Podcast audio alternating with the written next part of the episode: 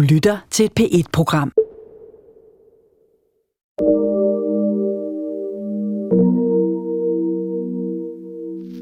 Vi vil have en radio med frisk luft og godt humør. Ude under nogle gamle, krogede egetræer, der går der en kronhjort.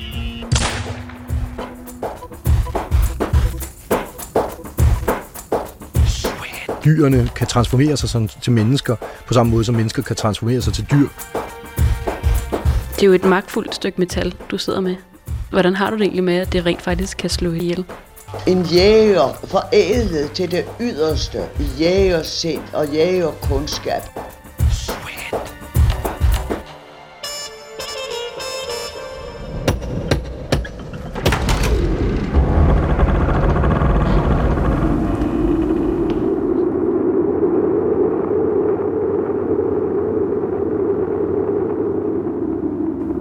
Endeløs tomhed.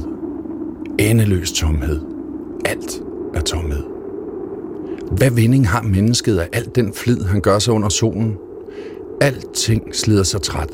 Man hører ikke op med at tale. Øjet bliver ikke med af at se. Øret ej fuldt af at høre. Det, der kommer, er det, der var. Det, der sker, er det, der skete. Der er slet intet nyt under solen.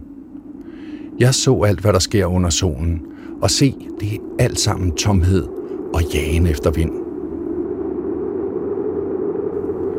Jeg vendte min hu til at fatte, hvad der er visdom og kundskab, og hvad der er dårskab og tåbelighed. Og jeg skønnede, at også det er blot jagen efter vind. Til mig en visdom, mig en grammelse. Mere kundskab, større smerte. Jeg fuldbyrdede store værker, byggede mig huse, plantede mig vingårde. Jeg nægtede ikke mit hjerte nogen glæde, til mit hjerte havde glæde af al min flid, og deri lå lønnen for al min flid. Men da jeg så alt, hvad mine hænder havde virket, og hvad den flid havde kostet mig, se, da så jeg, at det var alt sammen tomhed og jagen efter vind.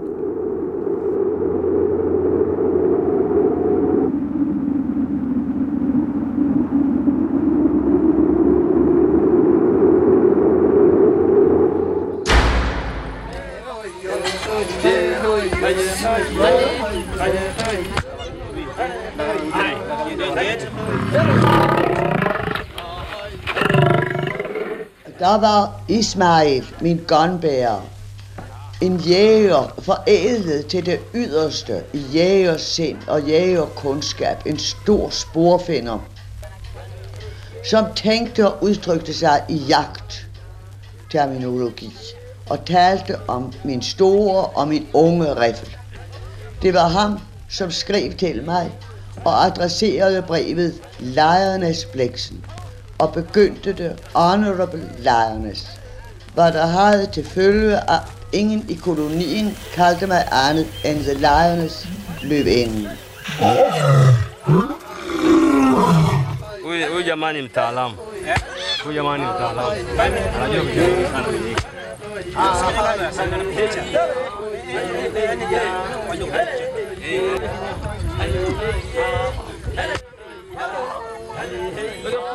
Vi er midt i efteråret, og jagtsæsonen har været i gang halvanden måneds tid. Det er nu, man en diset dag på vandretur i skovene kan høre både kronhjortens karakteristiske brøl af brunst og de lige så karakteristiske knald fra jægerfolkets jagtbøsser. Ordet jagt har vi fra det oprindeligt oldtyske jargon, der muligvis igen er forbundet med ordet jag, der betyder at begære eller jage efter. Ligesom det oldindiske yahu Java, der betyder restløs. Dem, der ikke kunne sidde stille og lade kæberne male rødder, urter og vilde korn, de, der bare måtte afsted ud og løbe efter vildsvin, hjort eller mammut, der har vi de restløse, jægerne, der indimellem også løb efter hinanden med hævede spyd eller økse. Vi bruger, ligesom prædikeren fra det gamle testamentes dage, også stadig ordet jage om at begære. Mænd jager kvinder, kvinder jager mænd. Begge jager de luksus eller status. Vi jager resultater, vi jager lykken, vi jager og jager. Vi jager vind. Radioklassikeren er i arkiverne denne gang gået på jagt efter restløsheden, begæret, og også det, der driver os ud i naturen med bøsse i hånd.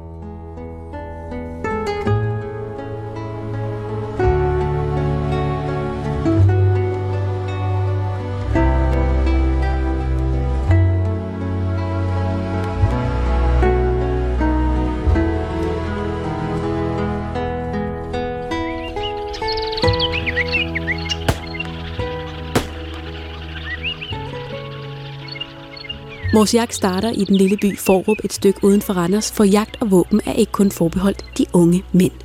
Jeg sidder her med Tanja Harbo på 24 år, som har haft jagttegn siden du var 16 år. Vi skal kigge lidt på dine øh, geværer her. Hvad er det, du har taget med her? Jamen, det er min øh, riffel, og det er en BSA-riffel, øh, der er fuldskæftet, og øh, den er mørk træ. Så er den forlænget lidt i, i enden her med en, en kappe, fordi den var lidt for kort til mig. Og så har jeg en øh, kikkert på, som er en Smith og Bender kikkert. En kaliber 308. Hvad vil det sige med det der kaliber? Det er, hvor stor øh, projektil du skyder med. Hvad kan lige det her våben? Jamen, øh, det kan skyde øh, klovbærende vildt, som råvildt og kronvildt, dårvildt, el for eksempel.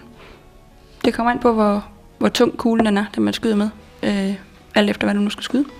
Ved siden af ligger der et andet våben. Det er mit øh, havlvåben, øh, havlgevær. Det er en Bettinsoli fra Italien. Det kan skyde ender for eksempel, som flyver i luften eller fasaner. Det kan også skyde råvildt, men så skal man øh, have det meget ind, eller ind på meget tæt hold på øh, omkring 10 til 15 meter. Jeg tror, det er samme slags træ som min riffel. Og du har nærmest øh, sådan knækket våbnet lige nu. Hvor, hvorfor er det knækket på den her måde? Det skal man gøre hver gang, at øh, man er sammen med andre, som, øh, hvor man ikke er på jagt, øh, når, der, når der ikke er noget i den. Så skal man knække den, så andre kan se, at den er ufarlig.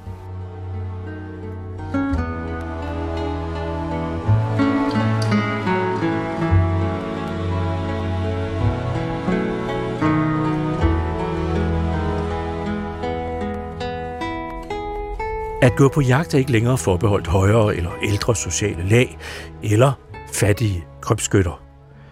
For et stigende antal unge er jagt i dag blevet en trendy og eksklusiv fritidsinteresse. To ud af tre nyslåede jægere med nyt, frist jagttegn er i dag mellem 16 og 25 år. Og en del af dem har adresse i hovedstaden på Nørrebro eller Vesterbro, hipsternes hovedkvarterer. Hvad de så skal med jagttegn der. Det var nok derfor, at min unge kollega Alicia Jordanova i radioprogrammet Klubværelset for seks år siden besluttede at se nærmere på fænomenet.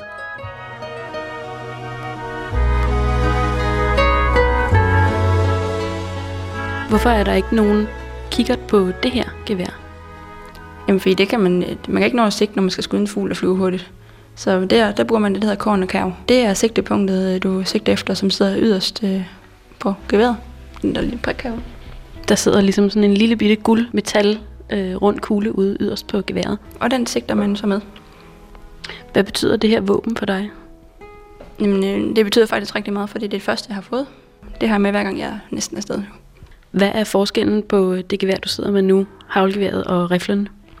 Jamen, en, en uh, riffel, det er med en kugle, som rammer dyret. Jeg skal man sige, der er et indgangshul, og der kommer et udgangshul. En, et havlgevær, jamen, den spreder med havlen hen over dyret, hvor nogle af havlene så rammer der, hvor den hvor den er dødelig. Hvilket af de her våben foretrækker du at bruge? Jeg foretrækker helt klart min riffel, for det, det fascinerer mig meget at sidde i en sti og sidde og vente på, at dyret kommer. Det er jo et magtfuldt stykke metal, du sidder med. Hvordan har du det egentlig med, at det rent faktisk kan slå et menneske ihjel? Jeg vil ikke sige, at jeg har det godt med det, men altså, når man behandler det, som øh, man skal, og man ikke øh, flager rundt med det til alle mulige mærkelige sider, jamen, så er det helt okay med mig. Jeg ved, hvad det skal bruges til, og jeg gør det forsvarligt. Du sagde, det var det første våben, du har fået. Hvornår har du fået det her? Det fik jeg, da jeg var 16 år. Af min far. Lige for så lå der en pakke hjemme på fryseren. Det var sådan til mig. Det var jo gevær. Så det var jo rigtig dejligt. Hvad med det første dyr, du skød? Har det været med en af de her geværer? Ja, det var med min riffel, og det var på en øh, riffeljagt i en dag i maj i 2004. Det var faktisk den... Hvad er det, du kigger på lige nu? Lige nu der sidder jeg lige og kigger på bagsiden af mit gevir, for der øh, eller for, er mit trofæ, der sidder, står klokkeslæt og dato, og hvornår jeg har skudt den, og hvorhen, og så videre. Øh, og det var den 23. 5. over ved en af min fars kammerater, som hedder Lars. Vi gik ud, og han sagde til mig, at du skulle sidde i den her stige. Der sidder man cirka en 2,5 meter oppe i luften, nærmest, som er trukket lidt tilbage ind i et træ. Og det er for, at man kan se længere, men også når du skyder op ud på et dyr, så skal du have det, der hedder kuglefang, og er enten en vold eller et eller andet bag dyr, som fanger kuglen, som, så den ikke flyver videre. Jamen, øh, jeg blev sat af i den stige, og Larsen gik længere ud, øh, og øh, jeg kan huske, klokken dem nærmede sig halv ti endda. Og jeg sad længe og ventede på, om der snart ville ske noget. Jamen, så lige så kommer der jo dyr frem, og øh, det var den buk, der stod her ved siden af mig. Den skyder ud på cirka 90 meter. Hvad skete der i dig, det øjeblik, du fik bukken på kornet? Jamen, så begynder man at ryste en lille smule i det, der hedder bukkefeber. Øhm, jeg kan huske, at jeg var meget spændt på, om jeg nu ville øh, ramme den rigtigt, og hvordan den nu ville, hvor den ville gå hen, og hvad den ville gøre, når, den, når jeg skudt den. Var du bange for, om du ikke kunne gennemføre det og skyde den? Nej, det vidste jeg 100% jeg kunne. Og hvad skete der så, efter du havde ramt den? Ja, så skal man jo så brække dyret, altså tage indvolden ud af det. Når man gør det, og man har skudt sit første dyr, jamen så får man smurt blod i hovedet. Så det var Lars så flink at gøre med mig, rundt i panden på mig. Og det er et ritual, der man skal gøre, når man skyder sit første dyr. Hvad, hvordan havde du det med det? Jeg synes måske godt, jeg ville, jeg ville have det med det samme, men jeg fik strenge ordre på at lade være, så øh, jamen, det sad jo til at komme hjem, og der gik jo et par timer, fordi vi skulle lige rundt, og vi skulle ud og være en mand, jeg skulle en buk. Det var egentlig, altså det var egentlig, det var meget fedt at prøve. Hvem skulle I så vise det til? Vi kørte derhen, hvor min far og en af hans andre kammerater var på jagt. De var lige kommet tilbage til deres hytte, så der kørte vi hen og viste den. Hvad sagde din far til det? Jamen, jeg tror nok, han jublede. Jeg tror, han var meget stolt. nu ligger det her trofæ her, hvis vi lige uh, tager det frem. Uh, kan du prøve at beskrive, hvordan det ser ud? Det er jo et, uh, et kranie fra et rådyr, hvor det er kogt af, så det er helt hvid, og så er der jo så geviret på. Det er en uh, ulige seksender. Hvad betyder det? Jamen det betyder, hvor mange takker den har på. Og i den her, det her tilfælde, hvis det er en seksender, jamen så har den tre på hver. Og på det her, i det her tilfælde, der har den kun tre på den ene og to på den anden. Hvorfor er det så vigtigt at få det her trofæ med hjem? Jamen det er jo det, der det er jo det, man kan vise frem, og det er jo det, der gør, at, at det er sjovt at gå på jagt. Altså, man, man får noget med, man kan vise, øh, også som et minde om, hvordan man, da man skød det. Har du mange af de her trofæer? Jeg har um, seks. Jeg synes lige, vi skal gå hen og kigge på dem. Hvad tænker du, når du ser på de her trofæer? Jamen, jeg tænker tilbage på, øh, på da jeg skød dem. Øh, hvor jeg skød dem hen, og hvordan det forløb, og, og hvad vi lige lavede måske på den der jagttur, vi var afsted på. Det, det er nogle gode minder. Hvad symboliserer de for dig? Jamen, øh, de symboliserer nok, at øh, det er mig, der har skudt dem, og at, øh, at det er lidt en sej pige. Jeg synes, vi skal gå ud og kigge på din jagtgarderobe. Mm, det kan vi da godt. nu går vi ned i kælderen her. Herude ved knagerækken, der hænger der en del øh, olivengrønne frakker. Jamen, øh, den jeg står lige med her, det er min, øh, min vest, som også lige kan sætte sig nærmere på. Men den har jeg sådan set altid på, fordi der er rimelig mange lommer i, så der kan jeg have mange ting at sige med. Hvad skal man for eksempel have med? I mit tilfælde skal jeg jo både have halsbånd til hunden, og jeg skal have snor, og jeg skal have fløjt, jeg skal have patroner med. Og så har man jo tit en øl eller en solvand med i lommen. Og så i mit tilfælde, så kan jeg godt lide at have bold med i lommen også. så det er godt at have mange lommer. Hvor vigtigt er det alt med alt det udstyr, man skal have? Jamen, det er faktisk uh, ufattelig vigtigt, fordi man skal have den rigtige kikkert, uh, både håndkikkert og kikkert til riflen, så man kan se, uh, hvad man skyder på. Man har forskellige ting at sige. Man skal blandt andet have nogle uh, pink uh, hattebånd, man skal have på, når man er på drivjagter, så man uh, kan se hinanden, så man ikke kommer til at skyde nogen. Det er sådan lidt maskulin, det her tøj. Vil du ikke sige det? Jo, det er det. Det er også derfor, jeg er glad for at have min... Jeg har faktisk, nu har jeg endelig fået skaffet mig to jakker, som er damefasong, ellers har jeg kun herrefasong, og det er lidt træls. Hvor meget går du op i det her jagtmode? Jeg vil, efterhånden begynder jeg at gå mere og mere op i det. Jeg vil jo gerne have noget, der ser ordentligt ud, øh, og helst ikke have noget, der er slidt. Men øh, det er sådan, at jeg er gjort hjemmefra. Min far vil også gerne have hele tiden have nyt, så det, så gør jeg også. Hvorfor skal det se ordentligt ud? Jamen, jeg synes, det har en vis prestige at komme i ordentligt tøj. Øh, jeg synes ikke, det hører sig hjemme at komme i noget aflagt tøj, som er simpelthen så slidt, at man kan næsten ikke se den grønne farve mere. Så vil jeg hellere bruge lidt ekstra penge på et ekstra par bukser, for eksempel. Så det, det, det betyder faktisk rimelig meget for mig. Er der andre jagtaccessories, vi kan kigge på? Ja. Hvad er det? Det er et øh, jagttårn. Jamen, det er faktisk et gammeldags posttårn, som er, øh, det er båret rundt, og så har det et øh, åbent sjalstykke i enden. I gamle dage, der blæste man på det, øh, når man startede og sluttede. Og så blæser man, når man har skudt et dyr. Øh, man ligesom hæder det på en eller anden måde. Hvorfor har du det liggende? Fordi min far han forærede dem mig det en gang, og mente, at jeg kunne spille på det, fordi jeg har spillet i en pigekarte. Kan vi få lov at høre et trut? Det lyder som helt almindeligt vil gøre. For eksempel. Spiller du så på det, når du er med, når du er ude på jagt? Jeg har gjort det øh, nogle enkelte gange, men øh, de her mundstykker, jeg har, de passer ikke til, så jeg er ved at sådan lige eksperimentere mig lidt frem til, hvad for et, der er bedst til mig, og hvad for et, jeg skal have købt. Så, øh, Man kan sige, at den sidste vigtige jagt- jagtaccessory, det er jo dine hunde. Ja. Dem har du nemlig to af. Mm. Skal vi lige få fat i dem? Mille, ned. Tiki! Kom. Mille. Hvad er det for nogle hunde? Den store, det er en roret hønsehund, og den lille her, det er en uh, Jack Russell Terrier. Og øh, den store hund, den bruger jeg primært, når vi er på sådan noget, der hedder drivjagt. Jamen, øh, der har jeg den med, hvor den så driver vildet frem til jægerne. Den lille her, den er kun med sådan nogle, nogle gange. Hvor vigtige er de her hunde for dig? Jamen, næsten, altså, næsten alfa og omega. Øh, det er, det er blevet en liv, livsstil at gå og træne hunden og have dem med. Jeg synes, vi skal gå en tur med dem og tage ud og kigge på det sted, hvor at, øh, du plejer at gå på jagt. Ja, men det kan vi da sagtens.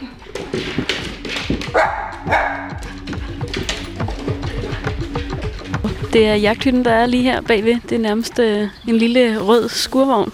Ja, det er, det er simpelthen vores jagthytte. Og der, øh, jamen, der er ingen vand eller toilet eller noget som helst, så det er bare bord og bænke. Og det er der, vi spiser. Hvad plejer der at foregå herude? Typisk, der mødes vi klokken 9 hernede, og så får vi lige rundstykker og kaffe.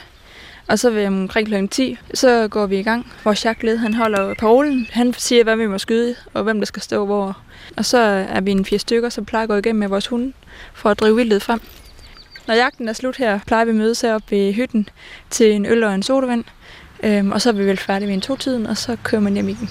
Men altså, nu kan vi, kan vi jo gå hen til den stige, hvor jeg plejer at sidde i, når vi skyder i bukkesæsonen. Hvordan startede hele den her jagtinteresse for dig?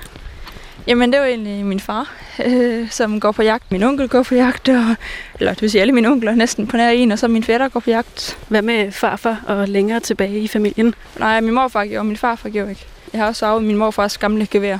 Så øh, det er hele omgangsrejsen næsten. Så det er nærmest sådan en jægerfamilie, du kommer ud af? Det kan man roligt sige. ja, det er det. Er det meget normalt? Ja, det tror jeg, det er. De fleste piger, jeg kender, øh, det er i hvert fald ud af jægerfamilie. Jeg har været med min far lige siden jeg egentlig kan huske, øh, siden jeg var 4-5 år. Jamen det foregik i en rød øh, flyverdragt, og så med støvler, og så ellers så afsted ud over stok og sten.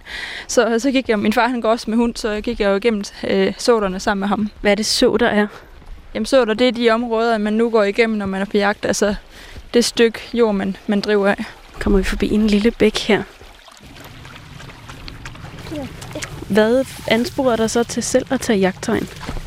Jamen, øh, det, jeg var faktisk slet ikke i tvivl om, at jeg skulle til jagttegn. Øh, fordi at nu var det altid min far, der gik med gevær, og det var altid ham, der skød noget. Så skulle jeg jo vise ham, men det kunne jeg altså også. Hvor vigtigt har det været for dig ligesom at følge op på den her jagttradition i din familie? Jamen, jeg synes faktisk, det var rigtig vigtigt at øh, komme afsted, ikke? Også i håber også, hvis jeg engang får børnene, de vil med på jagt. For jeg synes, det, det er noget, der bringer familien tættere sammen. Det er faktisk rimelig sjældent, jeg ikke, hvor vi ikke er afsted sammen. Øh, så det er et helt specielt forhold, man får. Er din mor aldrig med? Øh, nej, hun øh, bliver derhjemme. det er ikke lige hendes store interesse, så hun bliver pænt hjemme sammen med min søster. Hvad er det for noget samvær, der er, når man er på en jagt? Jamen, øh, det er et samvær, man slet ikke kan beskrive. Det er noget, man skal opleve. Øh, man har det hyggeligt sammen, når man snakker sammen, og man kender jo faktisk alle man er, man er sammen med. Men er du den eneste pige i en stor mandeflok her? Øh, ja, i hvert fald lige hernede, der er Er det altid med familien, eller er det også andre selskaber, man tager på jagt med? Hernede der er det med familie, men ellers så er det, så er det lige så mange andre steder, at man kommer ud med sine veninder for eksempel. Så er I så en flok tøser, der tager på jagt? Ja, det er vi. og vi tager også ud og træner hund sammen og skyder sammen. Hvordan er det, kun at være piger afsted? Det er faktisk ret sjovt. jeg har aldrig oplevet noget, der var sjovere faktisk, fordi at, øh, man får virkelig nogle sandheder frem, og så lige pludselig mænd, der bliver hjemme og passer børnene og gør huset rent. så det er ret sjovt. Vi kan lige stoppe her, for der er den stige, vi plejer at sidde oppe i. Vi kan lige gå hen til den. Mm. Nu står vi her ved din stige. Jamen det her, det er en, en høj hoksit, som er cirka 3 meter høj. Jamen der er sådan en stige, man kravler op af, så op foran der er en, øh, en platform. Der står to havestole, som man kan i. Og så er den dækket til med et net, så dyrene ikke kan se en. Kan vi prøve at gå op i den? Kan vi binde hundene fast og gå op i den? Ja, det kan vi sagtens. Lad os gøre det. Det er lidt af en bedrift at komme igennem op til sådan en stige. Man skal træde temmelig meget krat ned.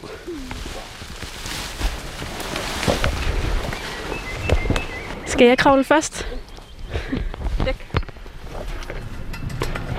Jeg kravler lige nu af en ret rusten jernstige.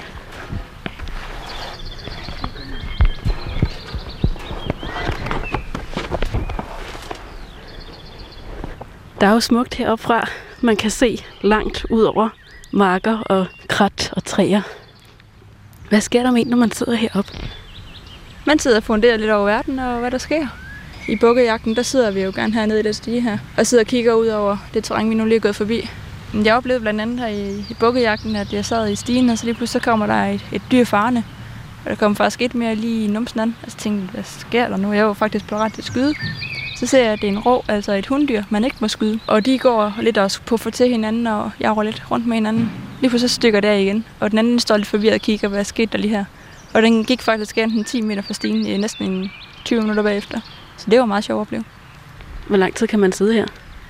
Altså normalt der sidder jeg her fire timer. Så jeg kender sådan efterhånden træerne rimelig godt, hvordan de nu ser ud, og hvor de står henne. Og sådan. Sidder du så helt alene heroppe? Ja, det gør jeg. Helt alene. Altid. Hvordan påvirker det dig at være herude? Jeg synes altid, jeg er glad, når jeg sidder hernede. Altid, hvis nu man er lidt uh, træt eller sur, eller man gider sgu ikke lige være hjemme, så kører man det hernede og sætter sig. Man jo godt sidde her, selvom det ikke er jagtsæson, og så sidder og tage billeder af dyrene. Jamen, det gør jeg også nogle gange. Ved dit allerførste drab, der fik du smurt blod i hovedet fra bukken. Er der andre slags hemmelige jagtritualer, der foregår herude? Det kommer lidt an på, hvilket dyr du skyder. Fordi hvis du skyder en øh, snæppe, det er en meget hurtig fugl, så skal du kysse den i numsen. Samtidig med, at en står og trykker på den, så det kan risikere at komme indvold ud. Lidt nogle klamme ritualer, men øh, de er der. Hvordan har du lært de her ritualer at kende? Jamen, dem har jeg set utallige gange. Blandt andet øh, ved hjælp af min far. Han har vist mig dem. Og Tanja, hvad er det, du skal nu? Jeg skal lige tjekke en fodertønde herover. Jamen, jeg skal lige se, om der er nok korn i til dyrene. Så I sørger for at passe på dyrene her? Ja, det gør vi også. Og så skyder I dem bagefter? Nej, vi sørger bare for, at de har nok at spise i løbet af vinteren, så, det ikke, så lammene også kan få en, en god opvækst. Men det er da lidt paradoxalt, at I sørger for, at øh, de lever godt, og så er de dræber dem. Ja, yeah, men altså sådan er det. Det tror jeg nu, en hver jæger gør. Altså sørger for, at de får noget at spise. Det samme gør fuglene. De skal jo gerne vokse store og stærke, så man kan få noget godt kød med hjem. Føler du, du har et forhold til dyret, som du skyder? Overhovedet ikke. Altså, jeg kan godt have set den to gange i løbet af den jagtsæson, vi er på. Men altså, nej, jeg har ikke noget forhold til dyret. Men hvad vil forskellen egentlig være på at skyde et dyr herude, og så skyde din hund? Det er jo også et dyr. men øh, et rådyr, det går jeg ikke klar hjemme i stuen, ligesom jeg gør med min hund. Jeg går aldrig nogensinde finde på at skyde min hund. Aldrig. Det er jo egentlig, jeg kører til dyrlægen, hvis den er syg. Det gør jeg altså ikke med et rådyr. Vil du kalde dig selv for lystmorder eller naturelsker? Øh, naturelsker. Jeg har aldrig nogensinde kaldt mig selv for morder. Hvad siger dine veninder til, at du går på jagt? De synes, det er helt fint. De plejer at få et stykke dyr en gang imellem, så det er okay. Mine kollegaer, de er, er bymennesker, så de er ikke helt, de er ikke helt med på den. De kan godt forstå, at jeg går på jagt, men altså det, det er en grundlæggende princip i det, tror jeg ikke, de er helt klar over. Skal man være lavet af et særligt stof for at blive jæger? Mm, I hvert fald hvis man er pige, så synes jeg, at man skal være sådan lidt sej i det. øh, for måske kan, kan klare at skyde et dyr. Så det vil jeg da synes. Hvilket stof er du skabt af? Det må være et hårdt et. øh, jeg, godt, jeg har altid været sådan lidt en, en drenget pige, som ikke bare sidder hjemme og leger med barbie men jeg kan godt lide at komme med ud i stedet for.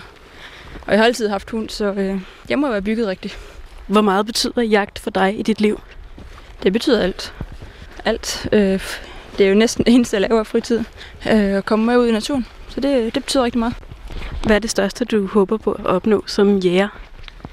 Jamen, det er da at, at prøve at komme til at skyde sådan en kronhjort en gang. Det er nok mit mål, for, når jeg er jæger.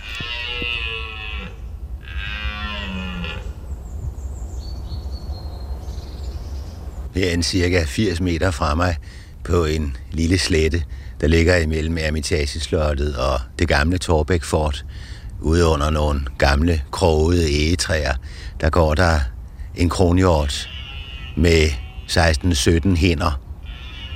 Og man forstår godt, når man ser på krondyret som sådan, at øh, det igennem tiden i kunst og litteratur har været et symbol på kraft og styrke, og samtidig på ønde. For kronhjorten er jo indbegrebet af kraft, især her i brunsttiden, der er på sit højeste netop nu. Han brøler, og rundt omkring fra svares der fra andre kronhjorte, som brøler tilbage. Kronhjorten er jo et af de smukkeste dyr i den danske natur, og det er jo et oprindeligt dyr, kan man sige. Det er en urindvåner i Danmark. For dengang, da skovene dækkede Nordsjælland helt fra sydspidsen af Amager op til Hellebæk, øh, der har kronhjorten været et af de dyr, som har været allermest eftertragtet for mennesket at jage. Det har været stenaldermandens fornemmeste bytte, og op igennem tiden har det været et ønsket jagtmål for fyrster og konger, der har jaget i de store, vidtstrakte sjællandske skove. I dag må man sige, at der er et af de steder, hvor man kan gå hen og se krondyrene, kronvildtet, øh, på den bedste måde, det er Jægersborg Dyrehave nord for København, her hvor jeg sidder. Når hjortene brøler, så har det jo en betydning. Brølet er af stor betydning, formentlig også for, at hænderne øh, nærmer sig den pågældende hjort. Undersøgelser i England har vist, at hjortens brøl spiller en stor rolle for øh, hindens brunst. Man har kunnet vise, at brølet er i stand til at sætte hinden tidligere i brunst. Og hinderne er kun i brunst ganske kort tid, hvor jorden er i brunst en 3-4 uger. Der er hindens brunst kun cirka et døgn, måske lidt mere, måske lidt mindre. Og det er det, kan man sige, at jorden går og venter på, at hinden kommer i brunst, så han kan parre sig med hende og føre sine gener videre. Man har også vist, at brølet har en stor rolle i øh, konkurrencen med rivaler. Og det er jo ganske indlysende, kan man sige, når man hører brølene herude. Så kan man høre, at det er en slags vedekamp på stemmer. Ja, i virkeligheden er brølet jo et udtryk for kraft. Det at frembringe et brøl, som det vi hører i baggrunden, det koster kræfter, det koster muskelkraft. Og har man gjort det et stykke tid, så vil man ganske naturligt være forpustet. Og det vil altså sige, at når en hjort hører øh, et bestemt antal brøl per minut, så er den også klar over, at den i nærheden har en rival, som er stærk, som har en vis styrke, øh, alt efter hvor mange brøl den pågældende hjort kan præstere. Der er heller ingen tvivl om, at selve lydstyrken i brølet spiller en rolle. Man kan se, hvordan hjorten hele tiden går og snuser til hænderne og holder sig orienteret om, hvornår de er i brunst. For det er jo meget vigtigt, at han er klar til at befrugte hinden på det rigtige tidspunkt.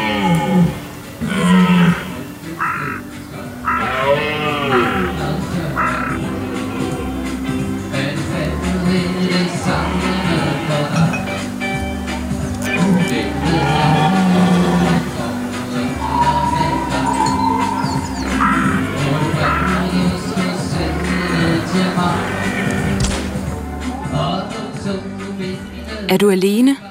Mød andre MK'ere på Greve Badehotel. Lørdag den 12. november fejrer vi Mortens Aften kl. 18. Der serveres forret, andesteg og risalamang. Dans til kl. 1. Pris 120 kroner.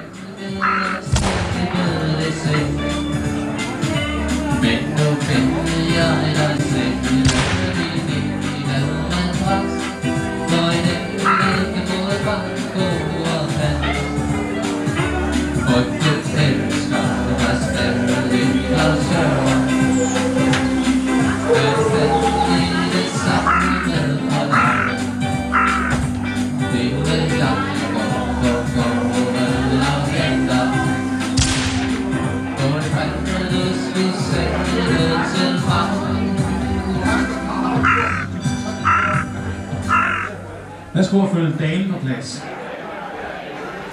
Jeg tror ikke, det er ensomhed, at folk tager afsted. Det tror jeg ikke. Nej, det er det ikke. Jeg tror, det er lige så meget for at komme ud og Altså dem, der kommer i de danseklubber, er lige så meget nogen, som holder af at danse og møde andre mennesker. Det er ikke ensomhed, folk kommer. Men den første gang, du kommer, der er du alene, når du kommer. Det er sjældent, at den første gang, at der er to, der følges ad i stedet hen. Det er folk, du lærer at kende og så følges med fremover. Jamen, damer og herrer, må lige byde jer velkommen herfra. Så skal vi til at synge den omkringte sang. Katten, katten, alle vinduet. Nu vil jeg spendere en vise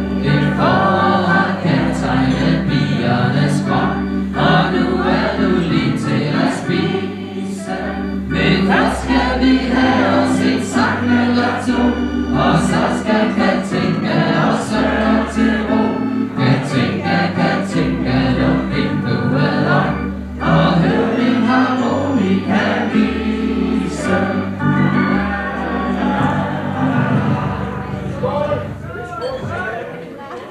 På Falconer Allé havde jeg set en annonce, at de øh, havde dans.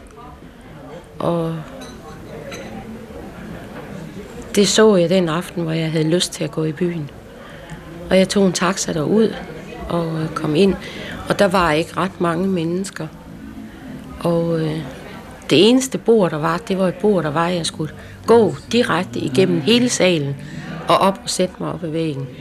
Men det efterhånden så kom jeg også over det og kom der og sidde. Og øh, dem, der kom der, det var nogen, der kendte hinanden, eller i hvert fald var noget sammenspist og sådan noget. Men jeg kom derud og danse, mens jeg var derude. Jeg tror nok, der er mange, der sidder hjemme, som har meget stor lyst til at gå sådan nogle steder. Men de tør ikke at gå. Hernede på Greve, der mødte jeg også en mand, jeg har danset med for fire år siden på Blejdomsvejen. Og så spurgte jeg ham lidt, hvordan det gik, og han spurgte selvfølgelig også mig. Og han sagde, ja, jeg er jo stadigvæk på jagt. Og øh, nu er jeg ved at være mættet, sagde han, så nu øh, er jeg ved at være træt af det her. Men alligevel så er der ligesom noget, der driver mig ud, siger han. Når man er alene, så vil man gerne ud og se nogle andre mennesker. Jeg tror nok, man skal regne med, at de mennesker, der går sådan et sted, de, de er meget ensomme, og de bliver meget indlukket, og de har svært at vise spontanitet og glæde.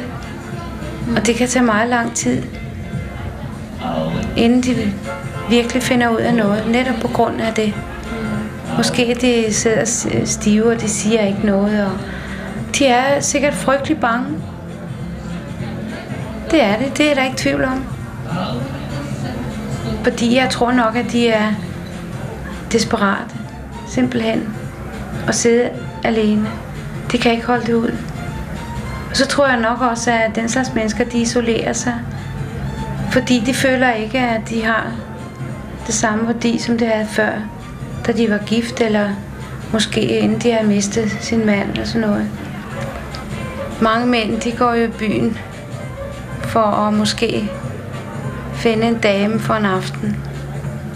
Fordi jeg tror nok, at øh, de har nok ikke det samme mod på, på et fast forhold alligevel, som en kvinde har. Det er måske mere naturligt for hende, når hun føler sig alene, at hun vil have en fast ven. Jeg tror, mange mænd, de kan godt lide også at gå på værtshus sammen med kammerater, som de har gjort i alle dage, siden de var unge. Jeg tror, de har en helt anden indstilling. Det burde måske ikke være sådan, fordi vi har jo vi har måske også det samme behov inderst inde, og, men om vi så har det mod til at, at virkelig vise, at ham vil jeg gerne have, og hvordan gør man det? Så er det muligt, at en mand reagerer negativt på det, ikke? Fordi han er, han er vant til at jagte. Men man kan også se tydeligt, at øh, når der kommer en, en virkelig flot mand, ikke? Og, en, og en flot dame, der er ikke noget tvivl om, at de to går hjem sammen. Eller går derfra sammen i hvert fald. Og sådan er det. Sådan er spillet, ikke? Men spørgsmålet er, om, de, om det er noget, der holder.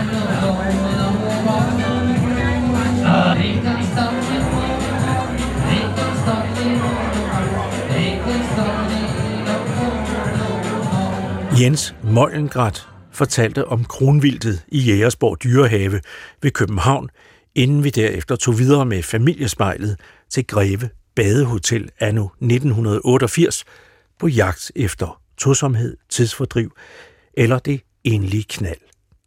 En jagt, der aldrig taber sin fascination, men ofte skifter spilleregler alt efter tidsånd og revir. Socialantropologen Rane Villerslev har været dybt optaget af jægersamfund i Sibirien. Her har, han, her har han i mange år boet og forsket i blandt andet animisme, jagtens og jægerens oprindelige religion. I øh, nærheden af familiens ødegård i Sverige, der er der et sted ude i skoven, hvor du kommer en gang imellem. Og der har du bygget noget ude i den her skov. Hvad er det, der er på det her sted? Ja, det virker jo sådan lidt vanvittigt måske for den udenforstående, men altså, jeg har, der har jeg et kranje af en bjørn, jeg skød, øh, som jeg har lagt op på sådan et, altså op i et træ, øh, som vender mod, hvor øh, bjørnekraniet vender mod vest, som er retningen af skyggelandet, som yogagierne kalder det, altså dødsriget, ikke? Og øh, den her bjørn, den, øh, ja, altså når jeg, jeg går på jagt i, i det område der, og så øh, inden jeg går på jagt, der går jeg ud til bjørnen og bukker for den og siger, bedstefar, ikke, øh, jeg er kommet, øh, altså her, jeg har, nu har jeg noget, øh, ofte noget vodka til den, som jeg så skinker øh, for den og binder nogle bånd om, nogle, hvad hedder det, farverige bånd øh, om og giver den noget tobak, eller en stykke chokolade for den sags skyld, altså, og så beder jeg om held i, i min jagt, ikke? Øh, og det, det er jo noget, jeg har taget med mig derfra. Altså, det var en opfordring, jeg fik fra min bedstemor derovre, øh, bedstemor Akulina, at det skulle man gøre, fordi altså, det at skyde bjørn er, er en farlig affære. Altså, øh, når yogagierne skyder en bjørn, så er man, frygter man, at dens ånd, eller dens, dens ejer, som man kalder den, altså vil, vil forfølge en. Øh, og derfor så bukker man for bjørnen og siger, bedstefar, det var ikke mig, der skød dig, det var en russer, der skød dig.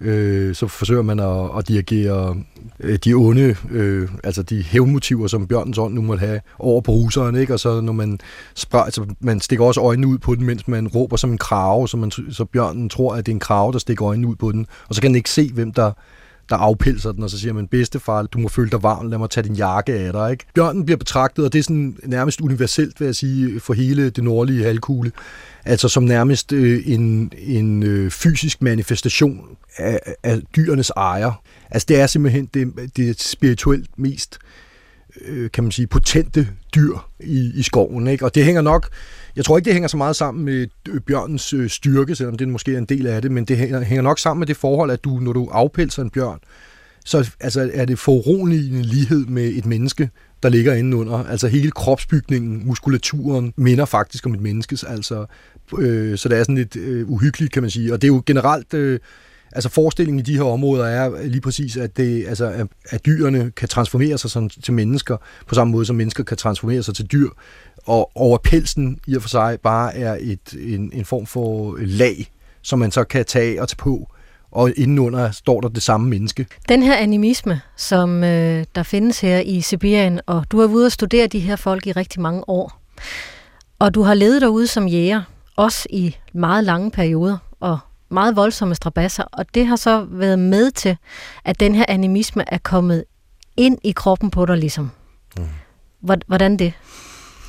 Jamen det er fordi, at det er jo en, altså det man skal forstå, det er, at for jægerne, øh, der er animismen og troen på ånder, det er ikke sådan en abstrakt størrelse på samme måde, som man kan sige måske, at vores kristne, kristne tro er.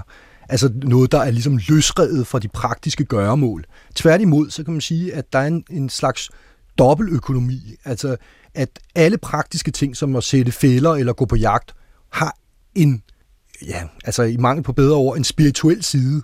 Altså en, en anden side, en usynlig side, som føder ind i en usynlig økonomi også. Ikke? Og, og derfor så øh, kan man ikke adskille øh, altså praktiske gøremål og religiøse gøremål, om man så må sige, kan ikke adskilles. Det er to sider af samme sag. Altså så i det, du er ude at lægge fælder og agere som jæger, så udøver du animisme, når man så må sige, samtidig, ikke? Og på den måde, så er det jo en del af hele dit væremåde, hele dit væsen som praktisk menneske, altså øh, er også øh, den her anden side, ikke? Så du kan simpelthen ikke undgå, at det bliver en del af dig. Men jeg tror, at det, der er meget vigtigt at gøre klart, det er, at altså både for jægerne og også for mig, altså der er det jo ikke sådan, at det er noget, jeg nødvendigvis øh, skal sidde og prøve at forklare i videnskabelige termer, eller, eller i logiske termer for den sags skyld. Øh, ligesom alt anden magi, der er det noget, der, der måles på dets effekt. Altså, ikke? Så det vil sige, at hvis, lad os forestille os, altså, vi har ikke noget at spise, ikke? man udøver et ritual øh, for, at der skal komme elge. Det kan være, ligesom jeg fik beskrevet, at en yukagi, at bedstemoren ligger sig ned på alle fire og simpelthen går rundt som en elg, ikke? og så kommer drengen, så, så, så bevæger hun sig hen mod en, et, et, et bestemt stykke øh, træ, der er blevet sat op, og så kommer der en lille dreng og skyder hende med en buerpil, og hun ligger og spræller som en død el, ikke? døende el. Så hedder det sig, at hun har bundet en el til et bestemt træ ude i skoven, hvor jægerne så kan gå ud og skyde den. Ikke? Og der kan man sige, at der er ikke nogen, der forsøger at forklare, hvorfor er det, at når bedstemor løber rundt på skuldet og leger el, er det så, mani- altså det så fysisk manifesterer sig en el ude i skoven, der gør det samme, som hun gør. Altså det måles udelukkende på dets effekt. Altså folk er fløjtende ligeglade med, hvorfor det ene fører til det andet. Altså det er videnskabsmanden, videnskabsmandens måde at tænke på, ikke? Det er, at man skal kortlægge, hvorfor A fører til B. Men det er ikke, øh, det er ikke magikernes logik. Til at starte med, så tænkte jeg over, at det var, øh, altså det var sgu da det mærkeligste hokus pokus. Altså, Altså, jeg er jo opdraget, øh, øh, altså, øh, for det første er jeg opdraget ateistisk, altså, øh, jeg, jeg var ikke døbt, det er så blevet sidenhen, øh, og jeg er opdraget med, øh, hvad kan man sige, med udgangspunkt i sådan en oplysningstidens øh, fornuftsorientering, ikke? Altså, så altså, i starten var jeg ret distanceret i forhold til det her, ikke? Men altså, det bliver en del, altså igen må vi forstå, at når du lever ude i, i en skov med, med jæger, dag ud, dag ind, månederne går, der bliver det en del af din tilværelse. Altså det, og det bliver lige så... Altså det er for at overleve, eller hvad? Jamen det, det, ja, det kan man sige. Altså hvis du ikke gør nogle bestemte ting, jamen så risikerer du, at heldet forsvinder fra dig, ikke? Eller, eller ubehageligheder øh, starter. Øh, du gør det bare. Altså, og du spørger ikke, hvorfor, du gør det bare. Altså, ikke, øh, og du begynder at se ting, som du som ikke kan forklares videnskabeligt. Altså lad mig bare give, lad, lad mig lige give et par øh, små eksempler. Altså vi taler altså ikke om noget, det er ikke lige pludselig, at de døde rejser sig fra sneen, og de løber rundt. Det er der også nogle mennesker, der ser. Det har jeg aldrig set, altså jeg er slet ikke givet til det. Altså det, på den måde har jeg ikke oplevet de fuldstændig øh, sindssyge ting øh, i den sammenhæng. Men, men altså, øh, jeg kan give dig et eksempel. Altså for eksempel, at, at det tabu af, af, af hundene spiser hjerte og indre organer af, af elgen, ikke? Det var der sådan en hund, der gjorde med en elg ved skudt, og, og jægerne var dybt oprør, og hunden blev aflevet på stedet. Og hvor efter jægeren siger, at nu vil der gå meget lang tid, før vi skyder en elv, men når vi skyder den næste, så vil du se, at den påpeger, altså den vil vise os, at den er blevet, altså der, hvor vi har brudt et tabu. Altså det vil den fysisk vise os, ikke? Og jeg tænker, ja, ja, ikke? Altså, der går rigtig lang tid, en elv bliver skudt, og fu- fuldstændig rigtigt med bagbenene står den og presser sin klov mod, øh, mod sit eget hjerte, ikke? Altså sådan, som om, altså man kan sige, du kan på den ene side sige, det er en tilfældighed, ja, måske. Men jægeren står og peger og siger, der kan du se, der kan du se, den viser, den viser ikke, den viser, at, at, at vi gjorde den uret, ikke, da, da hunden spiste hjertet, ikke? Og for mig, der bliver det også den virkelighed, ikke? Jeg ser det, og tænker, ja, det er sgu rigtigt, ikke? Altså, og jeg prøver egentlig ikke at forstå, altså, og det kan man heller ikke forstå videnskabeligt, altså, hvad er det, hvad er det for en magisk sammenhæng? Hvad, hvad sker der så i dig, da du ligesom slipper øh, rationaliteten omkring det? Jamen det er, jo, altså det er jo der, hvor man kan sige, at ens øh, identitet øh, virkelig øh, smuldrer. Altså ens, øh, den identitet, man havde, da man kom. ikke. Fordi lige pludselig tager du over et verdens forståelse, som er fuldstændig fremmedartet for dig, og som bliver en del af dig. Altså, så det er der, hvor, kan man sige, grundlaget smuldrer for en. Ikke? Altså, øh, ikke? det er der, hvor man kommer ud på dybt vand. Ikke? Altså, det gør man jo. Og det er jo ikke noget, man egentlig oplever, imens man er derude så meget, fordi der tager man det bare ind. Men det er noget, man oplever, når man kommer hjem. Altså, ikke? Øh, og den logik jo stadig er med en, men i et helt andet setting, ikke? altså i en helt anden virkelighed. Der bliver man konfronteret, altså jeg kan huske min kæreste på det tidspunkt, ikke? altså hun troede, hun var bange for at være sammen med mig, da jeg kom hjem, fordi at jeg netop gik rundt og, og sagde de her mærkelige ting, og, og foretage mig, tog mig mærkelige, øh, mærkelige handlinger, ikke? som i hendes øh, logik jo øh, øh, er udtryk for en eller anden form for sindssyg. Ikke? Altså, der er jo et langt, øh, ret kompliceret ritual forbundet med drabet af en bjørn, altså hvor man netop skal afskrive sig ansvaret for drabet. Altså, det har intet at gøre med en eller anden øh, forestilling om, at der er det gode, og så er der det onde, og, og, og sådan nogle ting. Tværtimod, altså alt principielt er potentielt ondt omkring dig. Altså ånderne er nogle sataner, altså helt grundlæggende. De elsker at drikke vodka, de elsker at hore, og de øh, er misundelige og slå ihjel og så videre. Altså, og det, det handler om, det er at, at få de potentielt dårligdomme, som de kan komme med, for dem dirigeret over på nogle andre. Ikke? Altså, nogen skal lide i, det her, i den her logik. Det skal bare ikke være dig. Det er bedre, det er naboen. Ikke? Så når du skyder bjørn, siger du også, det var ikke mig, der skød dig, det var en ruser. Ikke? Øh, og dermed bliver øh, dårligdommene ført over på ruseren. Eller når du laver, skyder en el, så laver du en lille miniatyrmodel over morderen, som du så øh, maler med blod for elgen, ikke? Sådan så at elgens ejer tror, det er morderen, og angriber den lille figur i stedet for dig, som så kan partere elgen og tage kød med hjem. Ikke? Jeg kendte sgu ikke til det der bjørneritual, vel? Og, og øh, bjørnen kom ud af den blå luft i, i et angreb, og jeg skød den og, og huggede hovedet af den, ikke? Altså som en anden vesteuropæisk trofæjæger, ikke? De her yukagier, da de så det, ikke, så var de jo redselslagende, ikke? For det, der er et ord for det, der hedder medvishatnik, som er sådan en, der dræber bjørne. Altså, at han, der var andre bjørne, Øh, forsøge at hævne sig. Så, det, så det, jeg var potentielt offer for alle mulige bjørneangreb i deres øh, verden. Ikke? Altså, og så fik jeg så råd om fra min bedstemor, der Arculina, at jeg skulle bygge et stativ øh, til, til det her bjørnekranje, ikke? Øh, som man gør, bør gøre, og, og give den offergaver. Problemerne væltede ned over mig, og det fortolkede jeg som et udtryk for, at jeg ikke havde, øh, jeg ikke havde behandlet øh, den, den døde bjørn øh, på den rigtige måde. Ikke? Og nu er den blevet min ven. nu hjælper den mig. altså, vi skal ikke overromantisere det her overhovedet. Altså, jeg følger bare nogle praktikker, altså, som går under begrebet magi i vores verden. Enten med henblik på at få det ud af, af verden, som jeg gerne vil have, eller for at undgå, at dårligdommene øh, vælter ind over mig. Altså, det er nogle praktikker, som ikke behøves at, at reflekteres over i, i, i nogle dybere forstand. Det var professor altså. i socialantropologi, Rane Villerslev, der i programmet Vita for seks år siden fortalte om de sibiriske jægeres livssyn og forbindelse til animisme. Akademiske forskere er i det hele taget ivrige jægere. Måske ikke derude på steppen.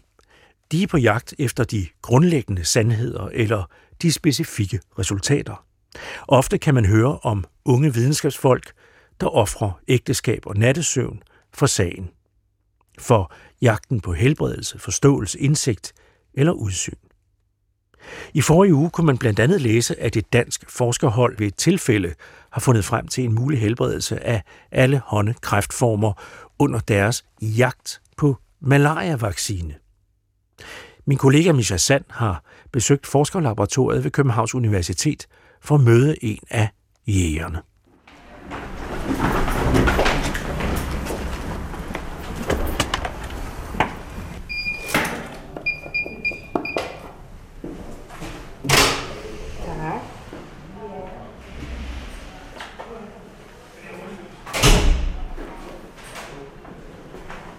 Og hvor er vi på vej hen nu? vej op i laboratoriet. Øh, Vi er et uh, klasse 2 uh, laboratorium, så vi skal have specielt tøj på, vi skal have sko, og vi skal have kitler på. Spændende. Det er kitlerne. Det er kitlerne. De her uh, blå uh, plastikfutter uh, eller sådan noget. Tak. Det her er jeres laboratorium. Det her det er, det er halvdelen af vores laboratorium. Vi har øh, den her etage heroppe. vi ser den lange gang, som leder ned i øh, det generelle laboratorium, hvor alle folk øh, har, altså laver det mere generelle arbejde. Her på gangen, der har vi øh, cellelokaler, øh, hvor vi for eksempel tager os af malariaparasitter og af, af cancerceller, øh, i mit tilfælde. Um, der er også specialiserede lokaler, hvor vi arbejder med proteiner, vi arbejder med DNA, uh, vi arbejder med, um, uh, med forskellige molekylære biologiske uh, ting. Vi har, og så har vi så selvfølgelig um, uh, opbevaringslokaler, fryser og, og kølskabe. Uh, det samme har vi nedenunder. Hvad leder I efter lige nu? Jamen, som, som uh, nok har hørt i medierne, altså det vi har fundet er et, uh, et sukker et sukker, som er til stede på øh, moderkageceller. Øh, og i moderkagen, der øh, er det vores malariaparasitterne, som udnytter det her sukker for infektion. Det her sukker er så også til stede på kræftceller. Øh, og øh, det er fordi, at, at moderkagecellen, øh, ligesom en kræftcelle, er en celle, som gror hurtigt, øh, som invaderer de omkringliggende væv. Og øhm, øh, øh, det, vi tror, at, at det her sukker er til stede for at hjælpe i nogle af de her funktioner. Så en af mine primære øh, interesser fra starten af har været at finde ud af, øh, hvordan, hvilken rolle spiller det her sukker i nogle af de processer, som gør en, en, en moderkagecelle til en moderkagecelle, men også en kraftcelle til en kraftcelle, og hvordan hjælper det i udviklingen af for eksempel kræft. Det er mere grundforskning, øh, og, øh, og det er en af mine projekter. Men den anden ting er jo selvfølgelig også at gå ind og finde ud af, nu har vi fundet noget, som gør en kraftcelle unik. Øhm, hvordan bruger vi det til både terapi og diagnose? Så det er sådan lidt den, den anden del af det, jeg går og laver. Altså, jeg har det rodet hjørne. Jeg er hernede. Jeg plejer altid at sige, at der, der er to typer forskere. Der er dem, som øh, der struktureret går ind og leder efter tingene, og kan være meget struktureret i alle de ting, de har, øh, og vide, hvor tingene er henne, og øh, altså mere, der går trin for trin. Øh, jeg er lidt den anden type forsker, som får en idé, og så med det samme som alt, hvad jeg har i hænderne, går i laboratoriet og prøver det af. Og så ender det med sig sådan her ud. Meget rådet. Hvorfor blev du forsker? Det er et godt spørgsmål. Øh, til dagen før jeg blev student, ville jeg være jægerpilot, men øh, så tror jeg bare, at, øh, at jeg besluttede mig for, at der ikke var nogen fremtid i det. Nu kommer jeg fra en forskerfamilie. Begge mine forældre er professorer på Københavns Universitet og forsker faktisk i noget, der er meget ens med det, jeg laver her. Nu sagde du jægerpilot, øh, og så tænker jeg, det var meget sjovt, fordi i jeres øh, pressemeddelelse, der skriver I, at malaria-vaccine giver forhåbninger øh, om kur mod kræft, og, og så er terminologien meget om den her jagt og jagten på en kur. Øh, ser du dig selv som en jæger på en måde? Altså en, er en researcher en jæger? Bestemt, ja.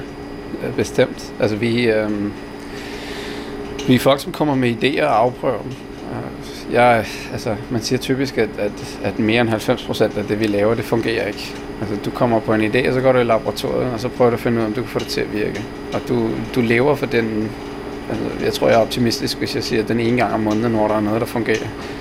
Og det er det resultat, som får dig til at løbe ned, til, ned igennem laboratoriet til chefen, og du smækker det i bordet og forklarer ham, at nu, nu har du fundet noget, som er interessant. Øhm, samtidig så er der så også de perioder, hvor øh, nu har jeg for eksempel lige haft en, en lang periode, hvor øh, jeg har arbejdet med øh, et speci- specifikt øh, eksperiment, hvor jeg, jeg vil gerne se, om, om vi kunne diagnostere patienter baseret på for eksempel noget som en urinprøve. Um, og der øh, det startede med en idé, og så et par måneders modgang, hvor vi ikke kunne få noget som helst til at virke, og hvor ikke nogen troede på, at det var noget, jeg kunne få til at virke. Um, og øh, jeg faktisk flere gange selv at chefen fik at vide, at nu stopper du, fordi det der kommer ikke til at virke. Og så rammer man den ene dag, hvor det lige pludselig virker. Men det er stadigvæk ikke helt rigtigt. Og så har du så lige de her måneder, hvor du, du bliver ved med at gentage og gentage og gentage og ændre nogle små ting for at få det til at være perfekt, sådan så du kan, at du har det. Og det, det, det er jo en jagt. Hvorfor tror du, at øh, man har brug for den her jagt? Hvorfor har du brug for den her jagt? Jeg har brug for... Øh, det er den glæde ved, når det endelig virker. Den har jeg nok fået mere end mange andre forskere, fordi vi, vi har noget, som... Altså, vi, vi, der har ikke været så langt mellem de gode resultater, som jeg hører mange andre har, men, men, det, men det er helt sikkert, det er glæden ved, når det endelig virker. Hvad synes du, en dygtig jæger eller en dygtig forsker mest af alt har brug for? Som jeg sagde før, der er mange forskellige typer forskere. Nogle er struktureret og, og, og kommer og, og, og får testet det hele igennem. Andre er fuldstændig ustruktureret og smider omkring sig med idéer, jeg går ind og prøver at teste dem, og det efterleder død og ødelæggelse efter dem. Altså det, det, det er meget, meget forskelligt. Man gør det på sin egen måde, og der er ikke noget, der er rigtigt, og der er ikke noget, der er forkert.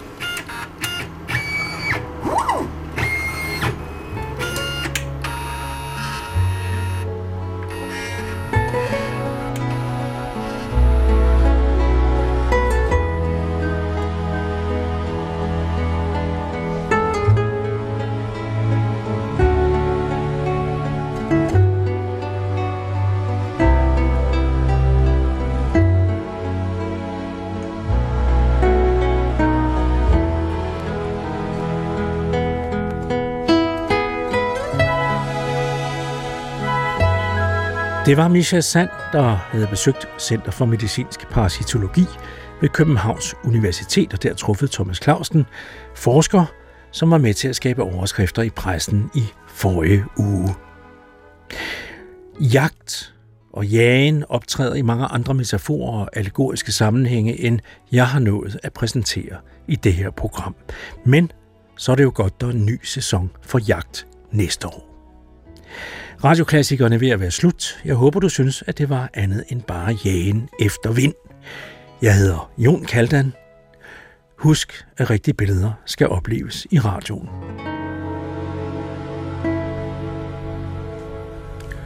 På genhør.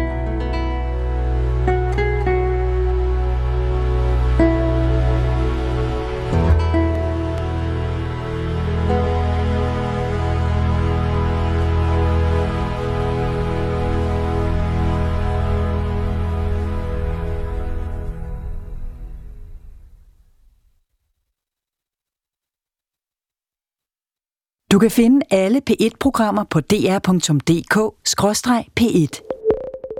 Det giver mening.